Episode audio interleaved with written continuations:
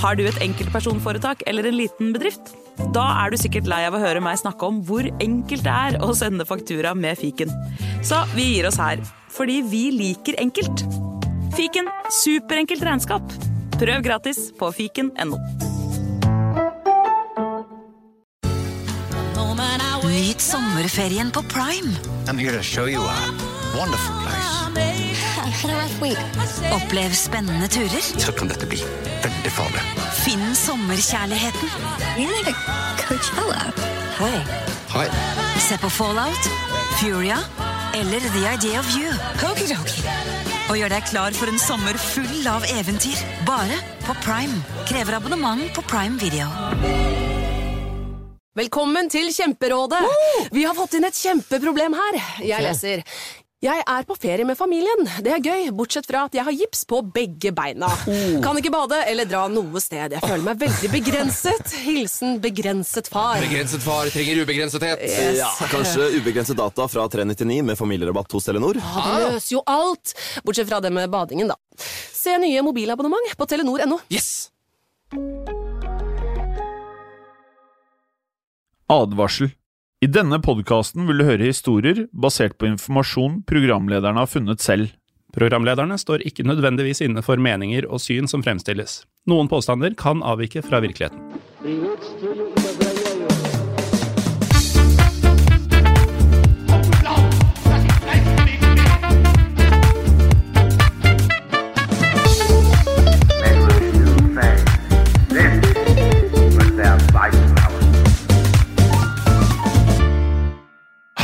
Velkommen til en splitter ny episode av Historiepodden WW2. Mitt navn er også denne uken Jim Fosheim. Og mitt navn er eh, også denne gang Morten Galaasen. Vet du hva, Det kan være litt greit for lytterne å vite, for at eh, vi er kanskje ikke de som gjør mest ut av oss i sosiale medier. Nei, vi er kanskje ikke det? Nei, vi er ikke det. Nei? Eh, men i dag var vi det. Ja, du var det. Ja, jeg var det. For jeg både bøllet deg litt med deg når du ringte på ringeklokken. Jeg brukte ganske lang tid, for jeg, filmet deg på den der skjermen som kommer opp når man ringer på. Ja. Du har rett og slett eh, brukt meg eh, for å skape content eh, på din egen Instagram-konto. Helt riktig. eh, og min Instagram-konto er jo da Jim Fosheim, og du er noe så underlig som Macho-Morten. Stemmer. Beg, Så- begge ja. i ett ord, akkurat som Ja. Historiepodden Norge. Hvis Ja. man leter etter den Instagrammen også. Helt riktig. Og på Jim Fosheim-kontoen så la jeg ut det som skjedde, som var sånn medium morsomt. Og dette har jeg begynt med. Jeg legger ut ganske mye content nå, fordi alle mener at jeg er for dårlig på det. Ja. Ja. Eh, og da har jeg begynt på det. Og så i, i, Nå la jeg ut content selv fra studio, ja, det gjorde du. ja, hvor vi lo Ja, i Insta-historien. ja tenke Så- seg til. Så følg for å få litt Insta-content. Um, andre ting Folk spør jo på DM-er. De spør på Historiepodden Instagrammen, som Mm. er uh, Historiepodden Norge. Ja, det er veldig bra. Uh, og det er vi også på Facebook. Det er korrekt. Ja. Facebook, er det litt dødt om dagen, eller? Ja, eh, bortsett fra gruppa vår. Ja, der er Eh, Historie action. for alle. Der, ja. den lever og Ja. ånder. Men sånn generelt, bortsett fra grupper på Facebook, så føles Facebook å være litt sånn der eh, passé. Ja, jeg merker eh, Personlig bruker jeg Facebook egentlig bare for eh, arrangementer. Ja. Og så bruker jeg Messenger-delen for å holde kontakt med folk. Ja. Men det å inn og scrolle gjennom feeden på Facebook og sånn, det kan jeg ikke huske sist jeg gjorde. Nei, det, det er lenge siden, altså. Mm. Men i alle fall, denne gruppen vi prater om, det er da Historie for alle. Yes. Hvor vi har eh, Ikke vanlig historiepodden, historiepodden. Ja. Folk blir så sinte når vi sier vanlige. Og så har vi der du, du har nydelig, eh, på, på, på storflott vis, skvist ut en av Norges morsomste mennesker eh, av en podkast som heter Gangsterpodden. Ja, eh, fortsatt eh, er jeg ikke helt sikker på hvorvidt jeg er en del av den podkasten eller ikke, men jeg har i hvert fall vært med i den hver eneste uke i flere måneder nå. Ja. Og så hører det med til historien at jeg skulle aldri være med i den, jeg heller. Nei. Men jeg ble programleder sammen med Henrik Fladseth, Mm. Så som skulle, du tok knekken på. det skulle egentlig være Henrik Fladseth og en annen, Ja. men nå er det deg og meg. Ja. Ja.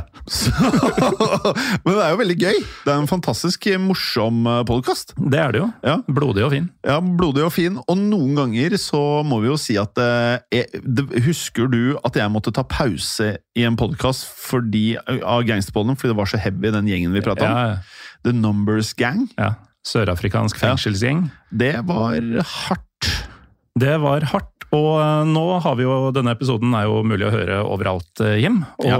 eh, når du nevner f.eks. den episoden av Gangsterpodden, som jeg mener er veldig verdt å høre, Mm. så kan vi også fortelle folk hvor man finner ja. alle de episodene de syns mangler i livet sitt. Ja, fordi vi får jo eh, til stadighet spørsmål om hvor er alle episodene, og de er fremdeles i en app som heter Untold.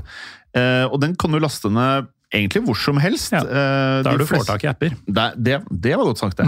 Eh, For de fleste så gjelder det da enten i Apple sin AppStore Eller Android sin Google Play Store. Nettopp. Og så hvis du er en av de som eh, liker å gå, på, gå inn på hjemmesider, så er det www.untold.app. Der kan du få tak i eh, appen også. Ja. Og der får du hørt eh, alle podkastene som vi er med i, helt uten reklame. Det koster 69 kroner i måneden. Hvis du kjøper et år, så er det 799, så da får du enda mer rabatt. Ja. Men uansett så er den første måneden gratis. Det medfører også riktighet, Morten Gallosen. Og når vi sier alle podkastene vi er med i, så mener vi Ja. da begge historiepoddene. Gangsterpodden, tydeligvis. Ja. Um, altså Dette er ukentlige episoder av absolutt uh, alt. Ja.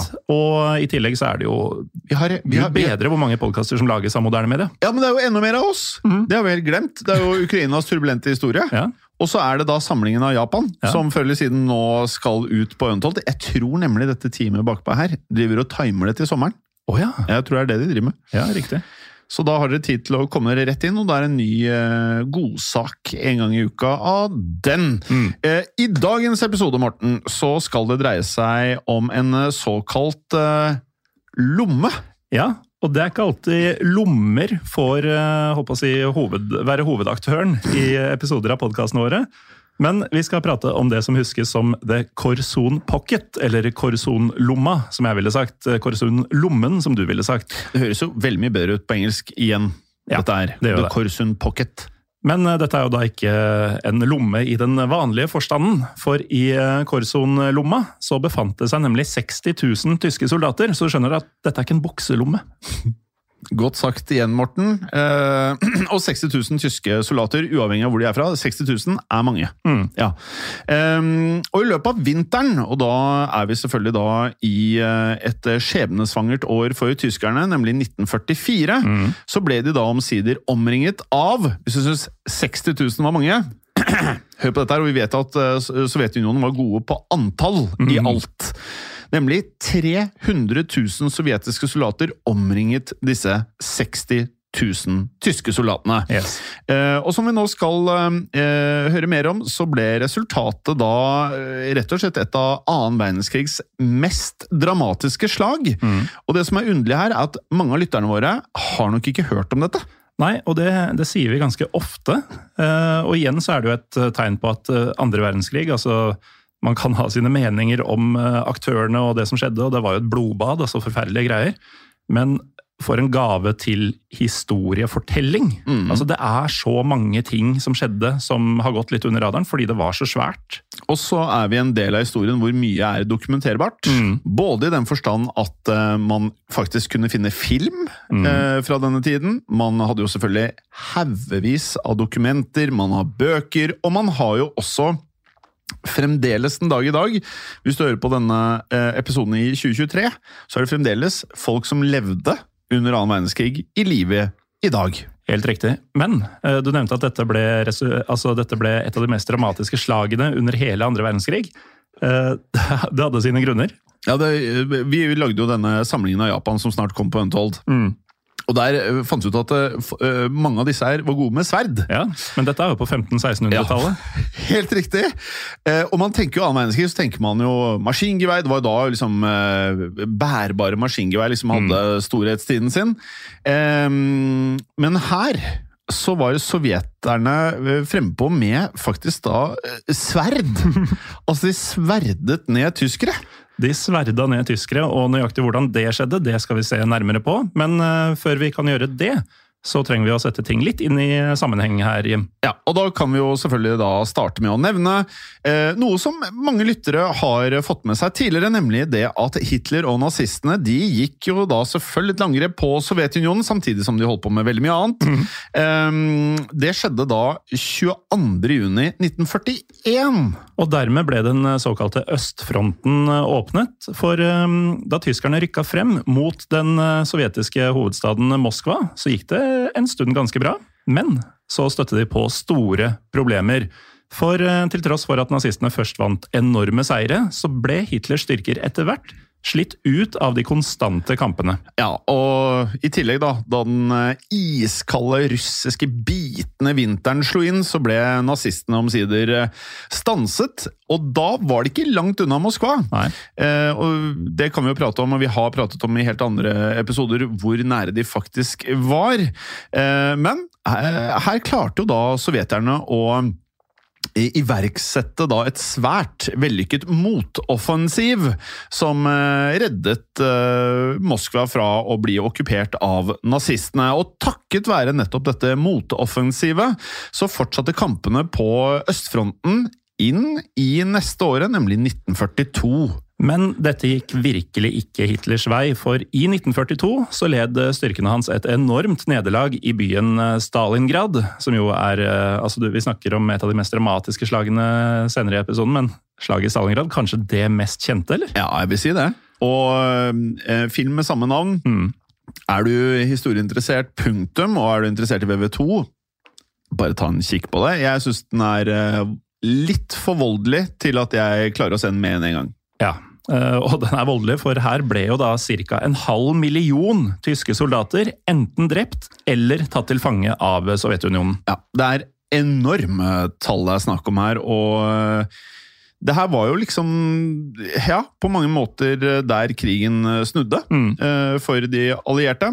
Eh, Men i løpet av sommeren 1943 så gikk tyskerne igjen på voldsomme tap, for eh, da tyskerne forsøkte seg på en større offensiv i nærheten av byen Kursk, så viste det seg da at de sovjetiske eh, forsvarslinjene var rett og slett eh, sterke her, altså.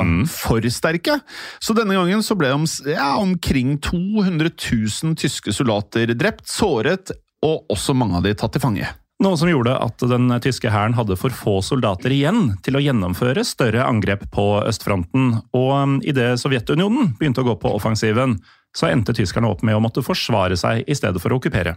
Det er helt riktig, og da endret krigen seg totalt. For mot eh, slutten av 1943 så innså da kan man jo si, på sett og vis. Eh, Noen hevder at han innså det, andre ikke. Men eh, Hitler så jo nå da at selv om han ikke nødvendigvis i alle mm, filmer som er laget i ettertid, eh, får frem dette, så var det tydelig at styrkene de måtte rett og slett nå gå rett på defensiven.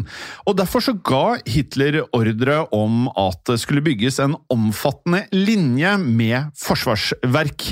Eh, Og denne linjen skulle strekke seg langs hele østfronten. Med andre ord så ville de tyske forsvarsstillingene gå helt fra Baltikum, altså da snakker vi Latvia, Litauen, eh, Estland, de landene der, i nord, eh, til Svartehavet i sør. Rimelig lang linje. Eh, Forsvarsverkenes totale lengde var da på ca. 200 mil, som eh, tilsvarer omtrent Oslo-Tromsø, tror jeg. Eh, Eller 6000 ganger høyden til Eiffeltårnet. Ja, Og 6000 ganger høyden av Eiffeltårnet, det er mye. Ja. Eh, Ett Eiffeltårn er ganske mye. Det er Ja. 300 meter. Ja, det her, altså Da begynner vi å prate om eh, tårnet i Babylon. At du til slutt ikke ser det lenger, på en måte. Eh, uansett, da, så var det da slik at nazistene de ga denne forsvarslinjen navnet Panterlinjen. Selvfølgelig kalte de den det. Ja, eh, I tillegg ble linjen også omtalt som Ostwald. Altså Østmuren. Mm. Ja. Eh, men da tyskerne da trakk seg tilbake til Ostwald, Ostwall, så hadde man ikke fått nok tid til å fullføre selve byggingen. Nei, og derfor så var det ikke alle som følte seg trygge på at disse forsvarsverkene var sterke nok. En av de som var usikre, var generalen Georg von Küchler. Eh, Derfor nekta faktisk von Kuchler å um, bruke navnet Panterlinja, ettersom han frykta at navnet ville gi soldatene hans en falsk følelse av trygghet. Mm, og her viste det seg at von Küchler eh, hadde en svært god magefølelse. Ja, Den dårlige magefølelsen hans var eh, god og riktig. Ja, og en dårlig magefølelse er jo ikke god. På en måte. Eh, For da tyskerne da trakk seg tilbake mot Ostwald, så gikk eh, selvfølgelig da sovjeterne, som nå var på en offensiv, de gikk selvfølgelig da rett til angrep. Og målet var jo da å trenge gjennom denne Ostwald, altså alt av tyske eh, linjer, lenge før de klarte å bygge det ferdig. Og det var jo strategisk veldig viktig. Ja, og sovjeterne mente at dette ville være enklest å gjøre i områder som ligger i dagens eh, Ukraina. Her forsvarte nemlig tyskernes heresgruppe Heeresgruppe Syd, eller eh, Hærgruppe Sør, eh, strekninga av panterlinja som gikk langs eh, elva Dnipro. Ja, og mellom eh, 26. august og 23. desember 1943 så ble Heeresgruppe Syd dermed satt på skikkelig på prøve.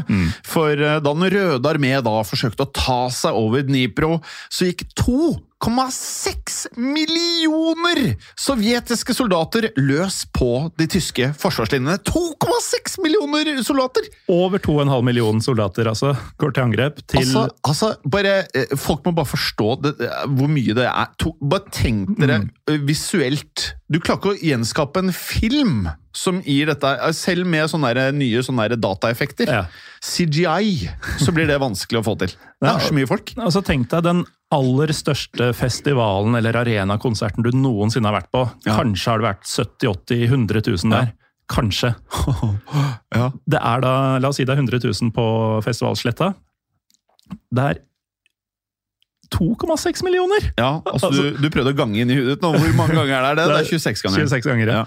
Eh, Det er helt vilt. Og tyskerne da, på sin side de hadde for så vidt også ganske bra bemanning, men den ligner jo ikke den sovjetiske siden, for de hadde 1,1 millioner mann til disposisjon. Og så husk, vi nevnte akkurat at 500 000 mann ble tatt til fange utenfor Moskva. Mm. Eller drept eller såra. Ja, ja. Ikke sant? Pluss 200 til, da oppe i 700. Så ja, vi er oppe i nesten to millioner egentlig som bare ble erodert. da. Ja, og dette betyr jo da at eh, i det som har blitt huska som slaget om Dnipro, så var det til sammen eh, derfor 3,7 millioner soldater som deltok, som er altså flere mennesker enn det finnes innbyggere i landet Uruguay, f.eks. Ja, altså, Du skal ikke så langt tilbake i tid i Norge før vi var uh, under fire mil, Nei. faktisk. Så um, uansett, da. Vi uh, tar oss nå frem til julen. 1943. Eh, og da hadde de sovjetiske styrkene klart å opprette flere brohoder på den tyske siden av Dnipro. Ja, og vi har lagd veldig mange episoder av begge historiepodene hjem. Jeg tror dette er første gang vi sier brohode, så da kanskje vi skal definere det også. Ja. Uh, ifølge Store norske leksikon så er et brohode en framskutt militær stilling som etableres av de første styrkene som rykker fram eller settes inn i territorium holdt av fienden, for å sikre overføring og framrykking av hovedstyrken. Typisk der du ikke hadde funnet oss. Nettopp. Eh, Og dermed så begynte den eh, tyske linjen å kollapse.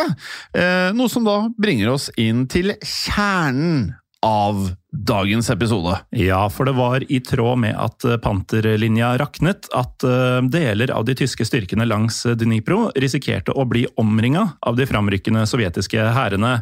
Og dette var særlig tilfellet i nærheten av Korson og Tsjerkassi, eh, to byer som er å finne midt i det som fortsatt er Ukraina i dag. Her holdt nemlig to tyske korps eh, stand idet sovjeterne rykka fram på begge sider av byene. Jeg må bare skyte inn her, Morten, at eh, i vår lille spesialserie eh, Ukrainas turbulente historie. nettopp på Untold Altså, det at det skjer ting i Ukraina det for, altså Etter vi hadde spilt inn disse episodene, så bare Dette her er jo ingenting. Nei. Det er et land som har gått gjennom mye krig, ja. Ja, der kan du si nesten hva som helst, eh, og si 'det har skjedd, og det kan skje igjen'. Ja, jeg vet. Um, Men i hvert fall, dette gjorde jo at um, disse to tyske korpsene de risikerte jo å havne bak den sovjetiske frontlinja. Og da kan jeg faktisk også da røpe hvilke to korps det dreide seg om. For det var nemlig snakk om det såkalte 11. korps under general Wilhelm Stemmemann.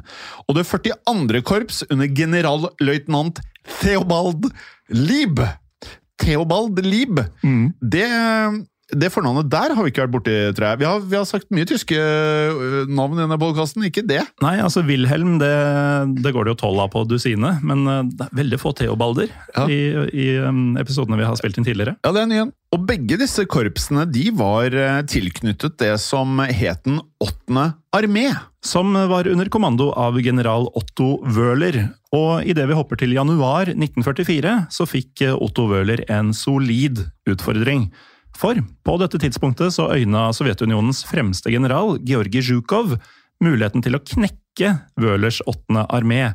Og dette ønska Zjukov å gjøre ved å omringe Wøhlers eh, styrker i en lomme rundt byene Tsjerkassi og Korson. Ja.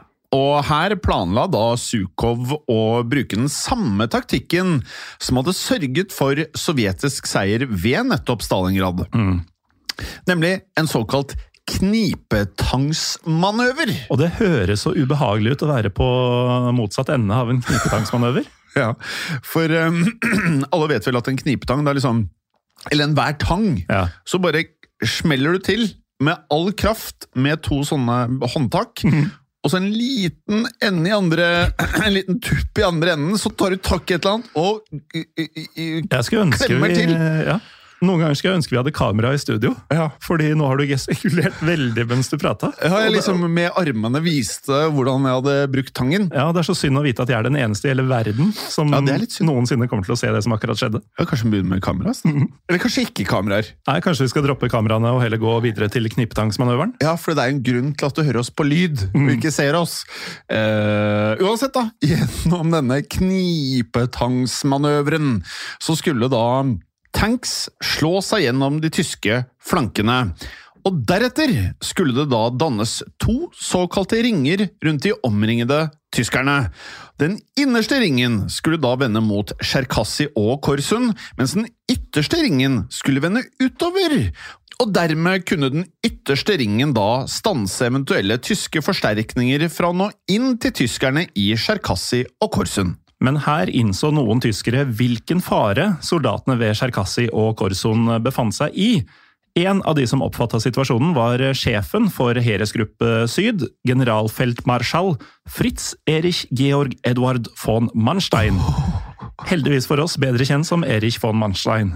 Ja, men da Manstein eh, ga beskjed til Hitler eh, om at eh, styrkene ved Tsjerkassi og Korsun burde trekkes tilbake, så møtte han døve ører. Og på denne tiden her, Morten, så var Hitler ikke veldig mottagelig for verken det ene og andre. Nei, han var vel omtrent mindre tilregnelig enn han tidligere hadde vært. Ja, og den største slangen av dem alle, Martin Baumann! det- det meste gikk gjennom han, vet du. Ja, ja. Så han, eh, han gjorde egentlig som han ville. For på tross da av flere advarsler fra både Manstein og andre, så nektet Hitler å godkjenne noen form for tilbaketrekning. Ja, Som noen lyttere kanskje er klar over, så var nemlig Hitler han, han var ikke spesielt glad i å la styrkene sine trekke seg tilbake. Eh, til og med når det da militært sett var det eneste logiske ville vært å slå retrett. Mm. Nei, han, eh, han, eh, han var jo eh, på denne tiden også medisinert, for å si det pent. Ja. Eh, og for å forklare dette standpunktet, da, så uttalte Hitler eh, følgende Der Wille som Dyrhalten muss jede ein helt for Augen geführt werden! Altså, viljen til å holde ut må bringes hjem til enhver enhet. Men i dette tilfellet så gikk det ikke sånn som Hitler eh, håpet på, for det var nemlig takket være ordren om å ikke trekke seg tilbake at katastrofen ble et faktum. For idet vi tar oss til den 24. januar 1944, så sto Zjukov klar til å angripe tyskerne ved Tsjerkassi og Korson. Og da han gikk til aksjon, så kunne Zjukov skilte med en angrepsstyrke, og dette er angrepsstyrken alene, på 336 000 mann. Ja, de er mannsterke, Morten. Eh, og I tillegg så besto Zjukovs eh, styrke av, og dette er meget nøyaktig tall, altså, 524 tanks, 1024 kampfly og 5300 kanoner og granatkastere. Og på toppen av det så fikk Zukov forsterkninger i form av 400 nye tanks, så nesten 1000 tanks. Ja, og Samtidig så kunne da de to tyske korpsene ved Tsjerkassy og Korson skilte med mot 336 000 mann, kunne de skilte med 60 000 soldater. Og Utover dette så disponerte tyskerne 59 tanks, altså så vidt uh, over 10% av det Zjukov hadde, og 242 artillerienheter. Men eh, når det gjelder antall tyske fly i dette området, så er kildene våre dessverre noe uklare, men det er vel trygt å anta at eh, de sovjetiske flyene var langt flere enn de tyske. Ja, for alt i alt da så var det ingen tvil om at de tyske styrkene da hadde oddsen mot seg, noe som ble meget tydelig da Zukov gikk til angrep. For da angrepet startet, så ble de tyske forsvarerne altså de ble hardt presset fra starten av. Ja, det er riktig, for um, da var det slik at de tyske stillingene ble angrepet både fra sørøst og fra vest. Og I vest eh, tok det bare to dager før de sovjetiske styrkene brøt gjennom de tyske forsvarslinjene. Selv om det gikk noe tregere i sørøst, så ble tyskerne også presset tilbake langs denne delen av fronten, selvfølgelig. Og til slutt så klarte de sovjetiske styrkene som angrep fra vest, å møte de sovjetiske soldatene som angrep fra sørøst. Vi må bare ta en liten pause der i med å tenke Ja. på altså, mye av planen tyskerne hadde da de satte i gang krigen. Det var jo å unngå en tofrontskrig. Ja. Eh, De ville ikke kjempe både i vest mot Frankrike og Storbritannia og i øst mot Sovjetunionen. Eh, Det måtte de jo gjøre etter hvert. Men her har de jo faktisk en tilsvarende tofrontskrig på bare Ja. den ene arenaen. Taktisk eh, veldig bra utført av Zukov. Taktisk eh, eh, forferdelig eh, utført av Hitler å ikke trekke hele gjengen tilbake. Ja. Og idet de trakk seg tilbake, ikke helt tilbake, men tilbake mot eh, Korson, så ble tyskernes eh, 11. og 42. korps eh, dermed fanga i en lomme rundt eh, byen. Og da de sovjetiske generalene fikk blod på tann, så ble det sendt optimistiske beskjeder til Sovjetunionens leder, Josef Stalin. Og gjennom eh, nettopp de beskjedene da, så mm, mottok Stalin lovnader om at det lå et nytt Stalingrad i kortene. Og disse forhåpningene ble særlig styrket av den sovjetiske generalen Ivan Konev. Ja, for han eh, sendte følgende budskap til Stalin. Det er ingen grunn til å bekymre seg, kamerat Stalin. Den omringede fienden vil ikke unnslippe. Jeg kan jo legge til at de omringede tyske styrkene ved Korsun eh, nå havnet under kommandoen til eh, Wilhelm Stemmermann. Ja, den tidligere nevnte generalen, som var sjefen for det 11. korps, han eh, tok nå kommandoen også over det 42. korps, og da fikk den omringa styrken i Korson et nytt navn. Den ble nemlig kjent som eh, Gruppe Stemmermann. Og for den tyske overkommandoen ble det nå en prioritet å redde Gruppe Stemmermann ut av denne desperate situasjonen. Og For å gjøre dette så bestemte da sjefen for Heeresgruppe Syd, Erich von Manstein, seg raskt for å stable på beina en redningsstyrke. Og dette gjorde han ved å slå sammen to forskjellige tanksavdelinger. Og til sammen så disponerte disse to avdelingene 259 tanks, men eh, heldigvis for Stemmermann og de omringa soldatene hans, så hadde redningsstyrken mer å rutte med enn eh, bare dette. Ja da, og i eh, tillegg så sørget Manstein for at tanksene fikk støtte av 80 000 tyske soldater. Monsteins plan var nå rett og slett å kjempe seg gjennom de sovjetiske linjene rundt Korsund, slik at tyskerne i byen kunne rett og slett da bli evakuert ut. Ja, så for å bare klargjøre litt, eh, Stemmermann eh, sine styrker er da fanga omringa inne i Korson, mens eh, Manstein og disse 80 000 nye de skal kjempe seg inn fra utsida for å hente Stemmermann-folket ut. Ja, litt som eh, Vi har jo hatt episoder av andre podkaster her hvor folk eh, har eh, jobbet seg inn i et fengsel. Eh, og det er jo litt det samme. Du går inn der det er verst. Ja, men til Mansteins eh, frustrasjon så blanda Hitler seg inn på uheldig vis. For Hitler han syntes det var litt lite med bare en redningsoperasjon, og ga ordre om at denne operasjonen skulle gjøres om til et mer omfattende motangrep. Ja, Nå er det en periode hvor eh, Hitler gjør stadig mer eh, dårlige beslutninger. Eh, For nå var ikke planen lenger bare å redde gruppe Stemmermann. Slik da eh, Hitler ønsket det, så skulle angrepet også ha som mål å omringe Zjukovs soldater. Noe Manstein selvfølgelig mente var helt urealistisk å få gjennomført. Ja, det var tross alt godt over 300 000 soldater under Zjukovs eh, kommando her, og Manstein han hadde jo fullstendig rett i denne vurderinga. For da tyskerne forsøkte å omringe Zjukovs eh, styrker, så hadde nesten ingen av de tyske tanksene rukket å bli kampklare. Ja, det er en katastrofe! Dette er så dårlige eh, avgjørelser. Det er det, og da gikk jo angrepet selvfølgelig fullstendig i stå.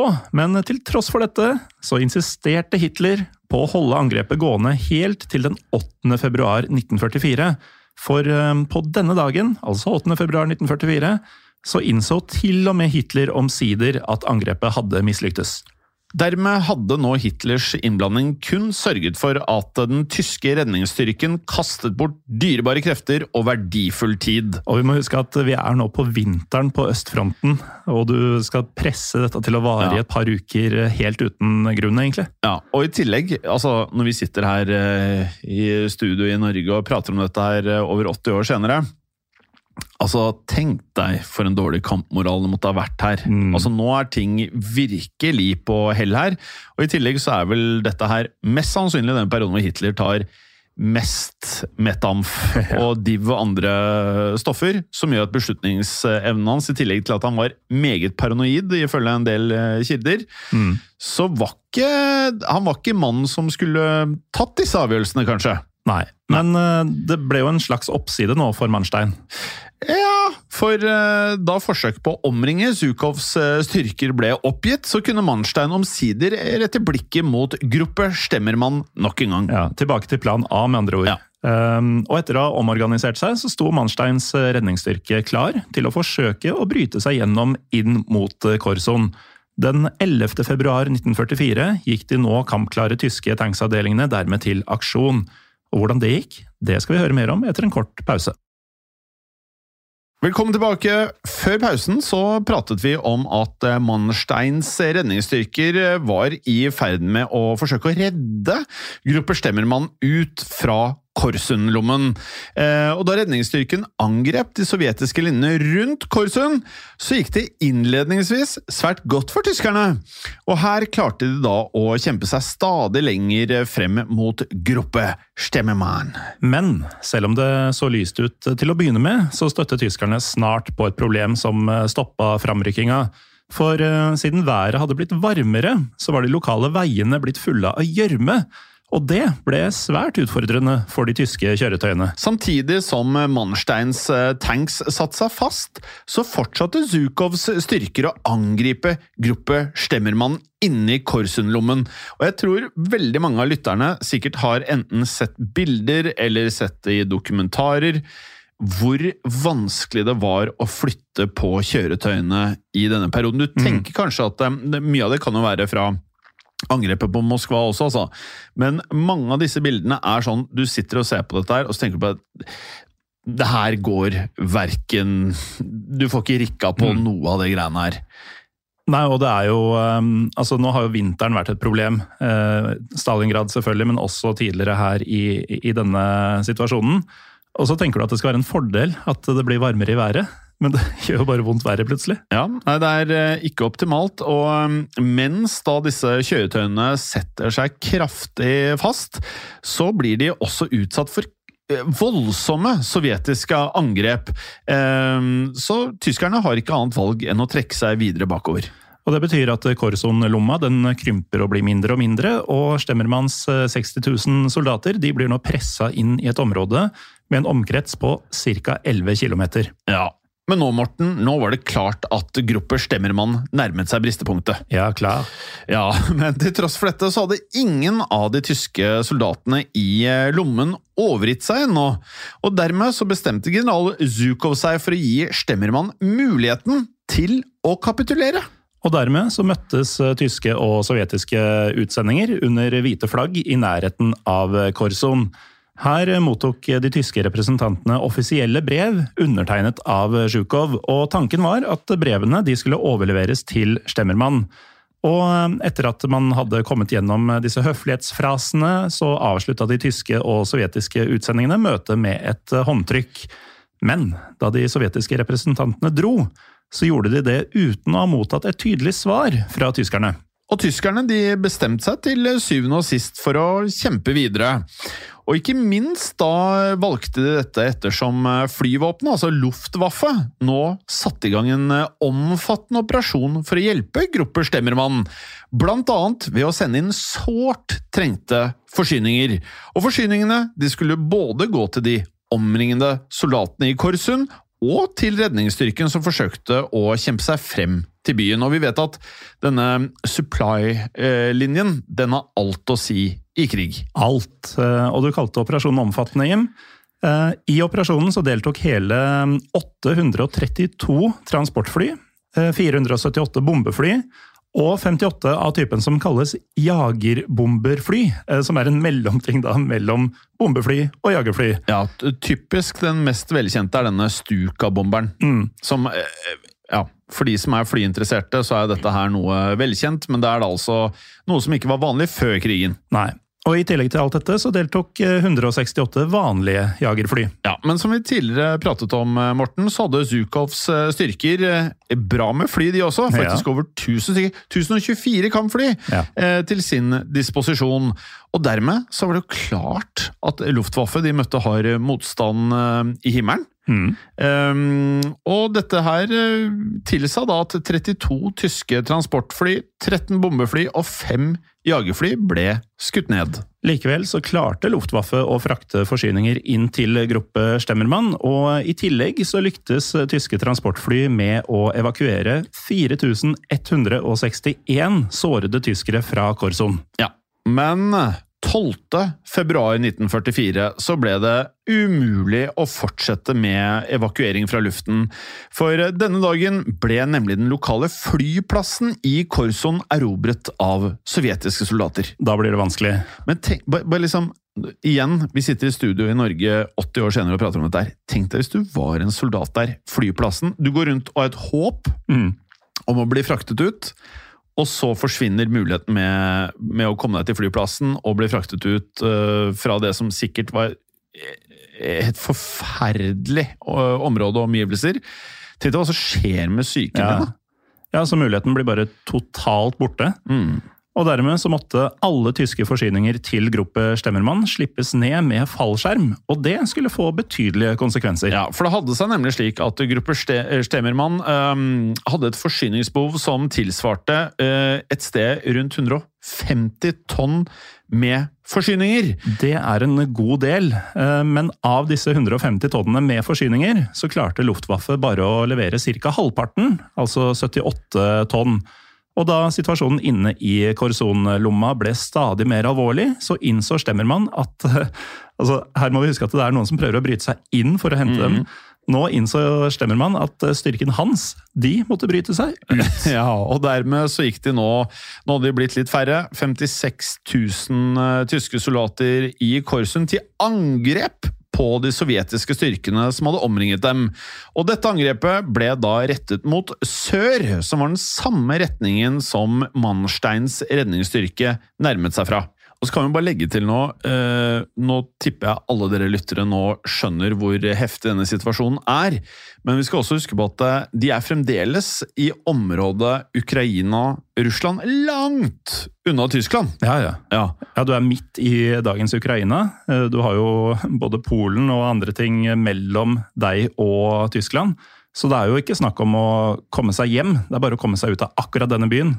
Det er helt riktig, så det er en, det er en heftig situasjon for enhver å være i dette her. Um, og dermed så gikk jo disse nå 56 000 tyskerne i Korsund til angrep på de sovjetiske styrkene som omringet dem. Og dette angrepet ble da rettet mot sør, som var i samme retning som Mannsteins redningsstyrke da nærmet seg fra. Så de, de prøvde å møte hverandre for å, å på en måte bli større sammen. Rett og slett, for dersom redningsstyrken og Grupper Stemmermann klarte å kjempe seg fram til hverandre, så ville den sovjetiske omringinga bli brutt. Og idet vi tar oss fram til den 16. februar 1944, så var faktisk de to tyske styrkene nær ved å klare nettopp det. Og så må jeg bare legge til én ting til. Bare tenk deg, for alle som har sett uh, Band of Brothers og alle disse fantastiske filmene. Det er så mye kaos. Når de sitter, det er ikke bare sånn ja, nå skal de møtes. Altså, Alt er kaos. Du opererer med litt uh, mangelfull informasjon, og så går du mot det du tror blir best. Ja. Ehm, på dette tidspunktet da, så hadde gruppe Stemmermann kjempet seg frem til å da være omkring syv kilometer unna en av Mannsteins tanksavdelinger, og denne avdelingen var den såkalte Tre panserkorps. Men her lå det en solid hindring i veien for tyskerne, for mellom Gruppe Stemmermann og dette tredje panserkorps så sto tre sovjetiske armeer ledet av general Ivan Konev, og her var Konev i ferd med å angripe. Dermed var det da nå eller aldri dersom Grupper Stemmermann skulle klare å ta seg ut av omringingen. Og um, i det slaget da som nærmet seg nå et klimaks, så ble kampene stadig mer intensive. Ja, for som vi nevnte tidligere, så hadde denne lomma som Grupper Stemmermann befant seg i, først hatt en omkrets på 10 kilometer. Men på dette tidspunktet så hadde omkretsen krympa til så lite som fem kilometer, så det var virkelig Altså, denne knipetanga, den, Ja. den var smal nå. Nå kneip det, ja. Med andre ord så var det lite rom å manøvrere i, og da de omringede tyskerne da forsøkte å nå et område kalt Sjanderovka, så fikk dette alvorlige konsekvenser. For det var nemlig ved Sjanderovka at gruppe Stemmermann håpet å slå seg gjennom de sovjetiske linjene. Men da Stemmermanns soldater nærma seg Sjandaroka, så ble de 56 000 tyskerne så sammenpressa at de utgjorde lettere mål for sovjetisk artilleri. Og da Sjukovs kanoner gikk til verks, så tok det ikke lang tid før Sjandaroka fikk et nytt kallenavn. For området ble nemlig nå kjent som Das Tor, das Tor sur Hølle, altså porten til helvete. Å, fytti Altså, det er så Tenk deg å være soldat der, og så begynner de medsoldatene dine å kalle for Das Tor sur Hølle. Altså, porten til helvete! Ja, Vi var eh, inne på det tidligere, hvor ille det må ha vært å være inni denne knipetanga, men eh, nå er det nytt nivå her. For eh, slik kildene forteller, så utsatte Den røde armé Sjanderovka for så intens artilleriild at området ble gjort om til Ordene er brennende inferno. Tenk deg å ha vært soldat der du bare hører de der lydene, og så bare eksploderer det rundt deg. Du ser døde folk, du bare mister all tro på livet. Og du har nå vært fanga inni her i et par uker. Du Ja. har begynt å se kanskje kan vi smette gjennom her. Nå nærmer det seg kanskje en mulighet, og så skjer dette i stedet. Og gå tom for sjoko, gå tom for de få tingene som gir deg noe som helst glede. Nå er det ingenting igjen. Eh, og det lå da, som sagt, det det lå døde, sårede overalt. Eh, mellom da masse ødelagte tyske militærkjøretøyer. Eh, og oppi det hele så ble uheldige da ukrainske sivile sittende fast i denne kampsonen. Men nå innså Erich von Manstein at det gjaldt å handle raskt, og derfor så sendte han en radiobeskjed der han beordra Gruppe Stemmermann til å umiddelbart bryte seg gjennom de sovjetiske linjene. Og dette gjorde Manstein antagelig klok av skade, uten å først gi Hitler muligheten til å ta stilling til situasjonen. Ja, og dermed så organiserte general Stemmermann styrkene sine i tre angrepsavdelinger. Men da styrkene hans eh, gjorde seg klare, så Stemmermann seg nødt til å etterlate omkring 1450 sårede soldater. For ettersom disse soldatene da ikke klarte å gå, var det på ingen måte for dem mulig å frakte disse videre. Med det sagt så gikk resten av gruppe Stemmermann til verks for å unnslippe, men eh, idet tyskerne forsøkte å ta seg ut av den sovjetiske beleiringa, så møtte de på beinhard motstand, og kampene som brøt ut, de raste gjennom natt til 17. februar 1944. Og her var da en av mange utfordringer for tyskerne at de måtte angripe en rekke befestede bakketopper. Og disse bakketoppene de lå nemlig mellom Grupper Stemmermann og Manstein sine styrker, og idet de da sovjetiske forsvarerne holdt stand, så fikk tyskerne alvorlige problemer, for da morgenen kom, så begynte de tyske planene å rakne. Atter en gang så skal værforholdene spille en rolle her, for um, ettersom de tyske kjøretøyene ikke klarte å ta seg gjennom det nå isete bakketerrenget, så måtte nemlig tyskerne forlate både kjøretøy, våpen og annet utstyr, og deretter begynte mange tyskere rett og slett å flykte til fots. Ja, men snart så ble det enda verre for tyskerne. For eh, som lytterne da kanskje husker, så hadde denne sovjetiske generalen Ivan Konjev lovet Stalin at ingen tyskere skulle unnslippe. Og det hadde han ment mer bokstavelig enn man kanskje tenkte da man først hørte det. Ja, ja, det tror jeg gjelder mange, i hvert fall meg. Eh, og dette løftet var Konev fast bestemt på å holde. Og nå var det jo nettopp Konev sine soldater som sperret veien for Gruppe Stemmermann. Og derfor ga Konev nå ordre om at alle tanks og artillerienheter under kommandoen hans skulle angripe Stemmermann og hans eh, soldater. Og da brøt kaoset virkelig løs. For eh, som vi nevnte, så hadde tyskerne måttet forlate flere av de tyngre våpnene sine, og dette inkluderte noe som de kanskje kunne hatt veldig bruk for akkurat nå, antitanks-kanoner. Noe som da gjorde at eh, sovjetiske tanks kunne slå til med full slagkraft. Ja, og dette har eh, en britisk historiker ved navn John Eriksson senere beskrevet noe sånn som følger.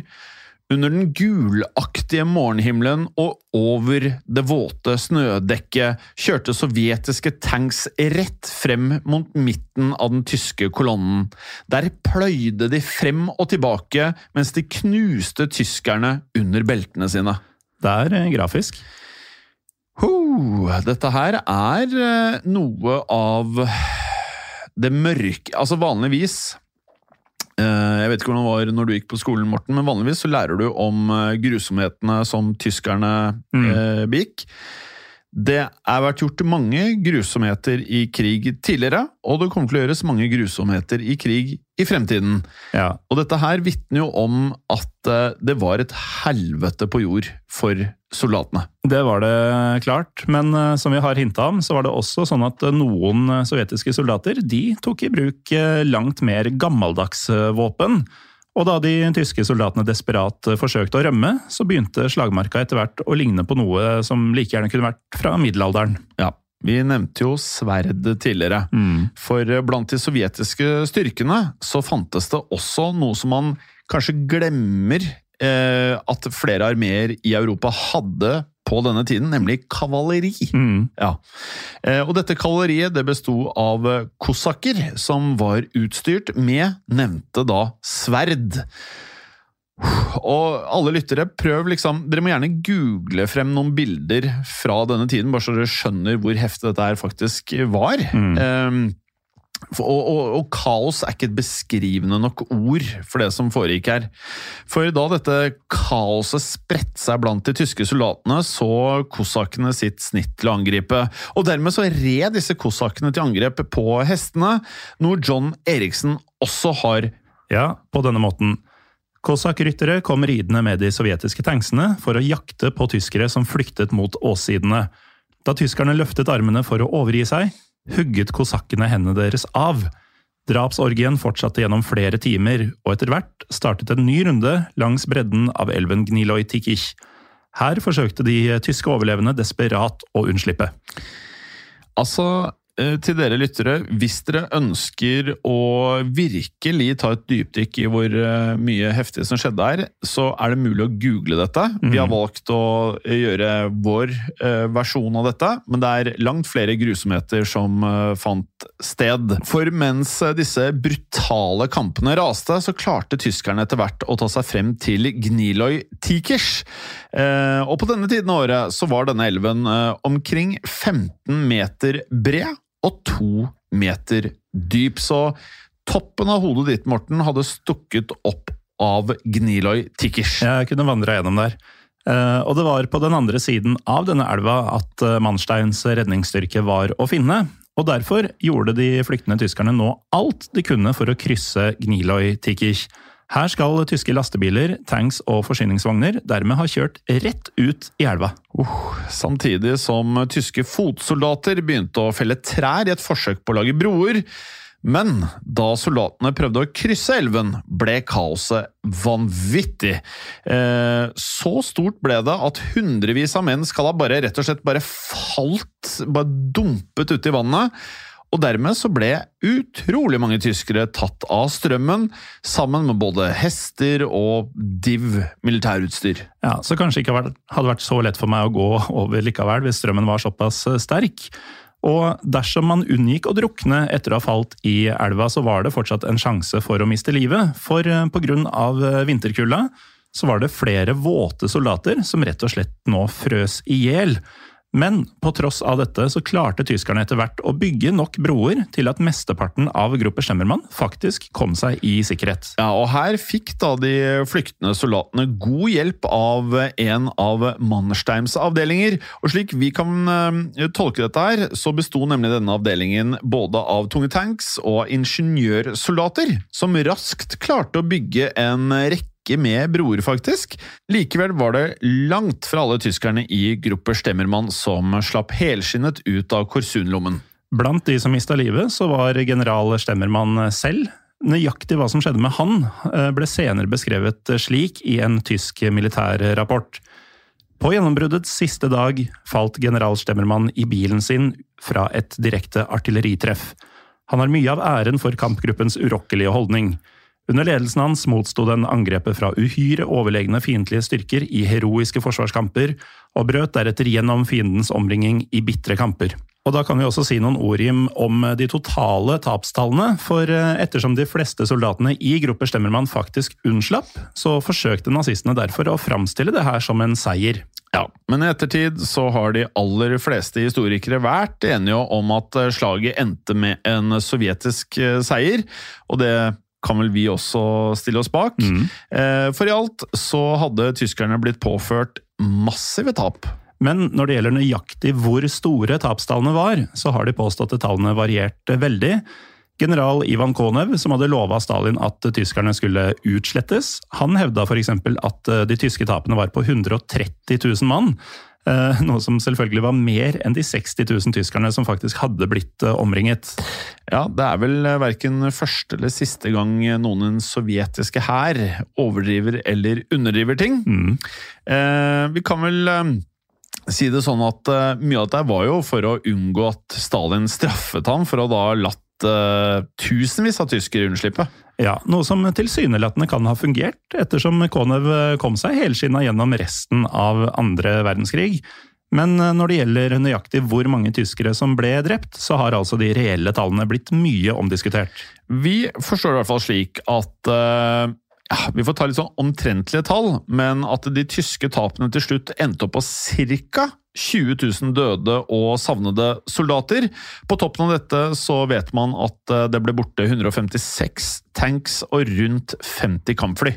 På den andre siden så var de sovjetiske tapene faktisk ikke stort eh, mindre, for eh, Zjukovs styrker de mista om lag 24 000 døde, sårede og savnede soldater. Og I tillegg så skal 728 sovjetiske tanks ha gått tapt. Når det gjelder antall kampfly, så er kildene mer uklare. Ja, men eh, når det gjelder nøyaktig hvor mange tyskere som unnslapp, så kan vi da fortelle at det har blitt estimert at tallet var på omkring 40 000, faktisk. Og av disse så var om lag 10 000 eh, sårede soldater. Til tross for at eh, han ofte fikk eh, sinneanfall for hvert minste tilbakeslag på østfronten, så skal Hitler derfor ikke ha blitt rasende ved denne anledningen.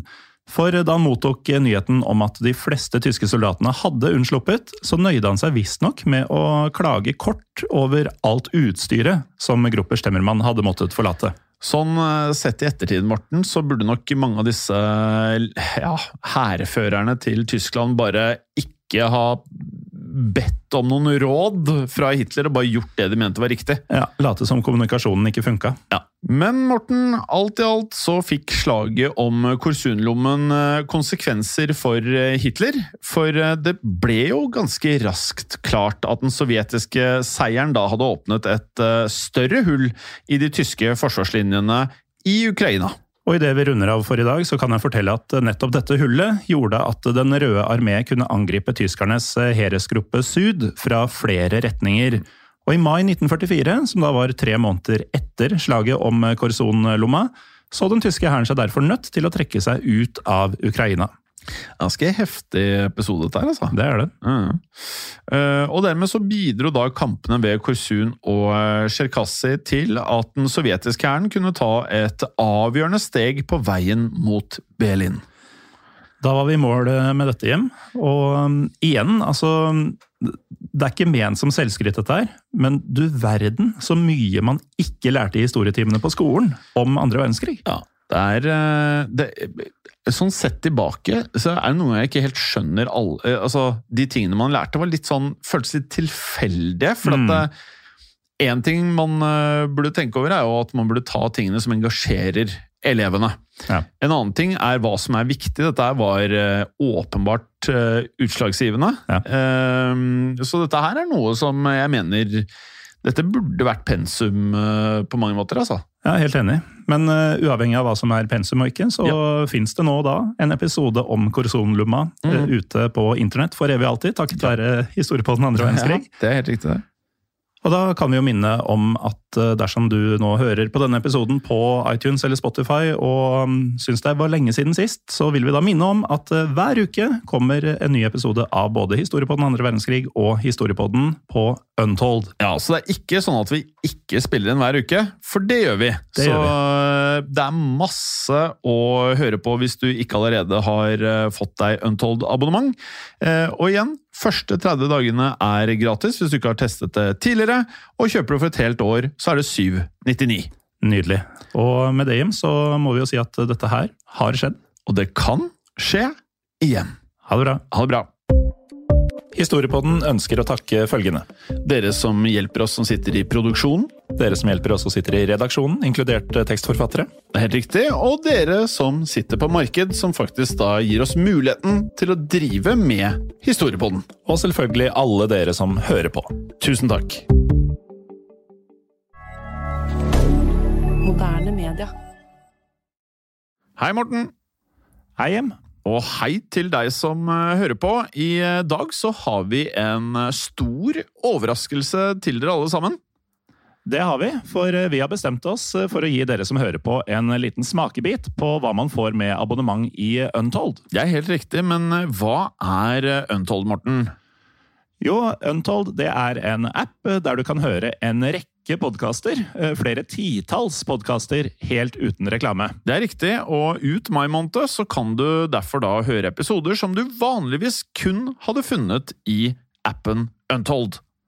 Ja, for eh, som Untold-kunde så får du nemlig en ny, reklamefri episode av Historiepodden andre verdenskrig hver eneste uke hele året. Ja, og i Untold så får du også ukentlige episoder av Henrettelsespodden og Historiepodden blant flere, samt også da miniserier som Gulltransporten og Historien om Henry Rinnan. Og apropos Historiepodden, Jim, så er det snart eh, 17. mai. Og i Historiepodden så vil man kunne høre episoden om torgslaget i Kristiania i forbindelse med nettopp eh, den datoen. Og det er en episode som alle bør få med seg. Jeg tenker det, og skulle du som hører på nå sitte igjen og tenke at du veldig gjerne vil høre en episode av Historiepodden andre verdenskrig hver eneste uke, så er da, som du helt sikkert skjønner, Untold en mulig løsning for deg. Det er helt riktig. Da går du inn på AppStore eller Google Playstore og laster ned Untold. Eller du går til untold.app i nettleseren for å starte ditt abonnement i dag. Ja, og har du ikke gjort dette før, Morten, så er det faktisk sånn da at du får hele første måneden helt gratis! Ja, eh, og det har skjedd. Og det kan skje igjen.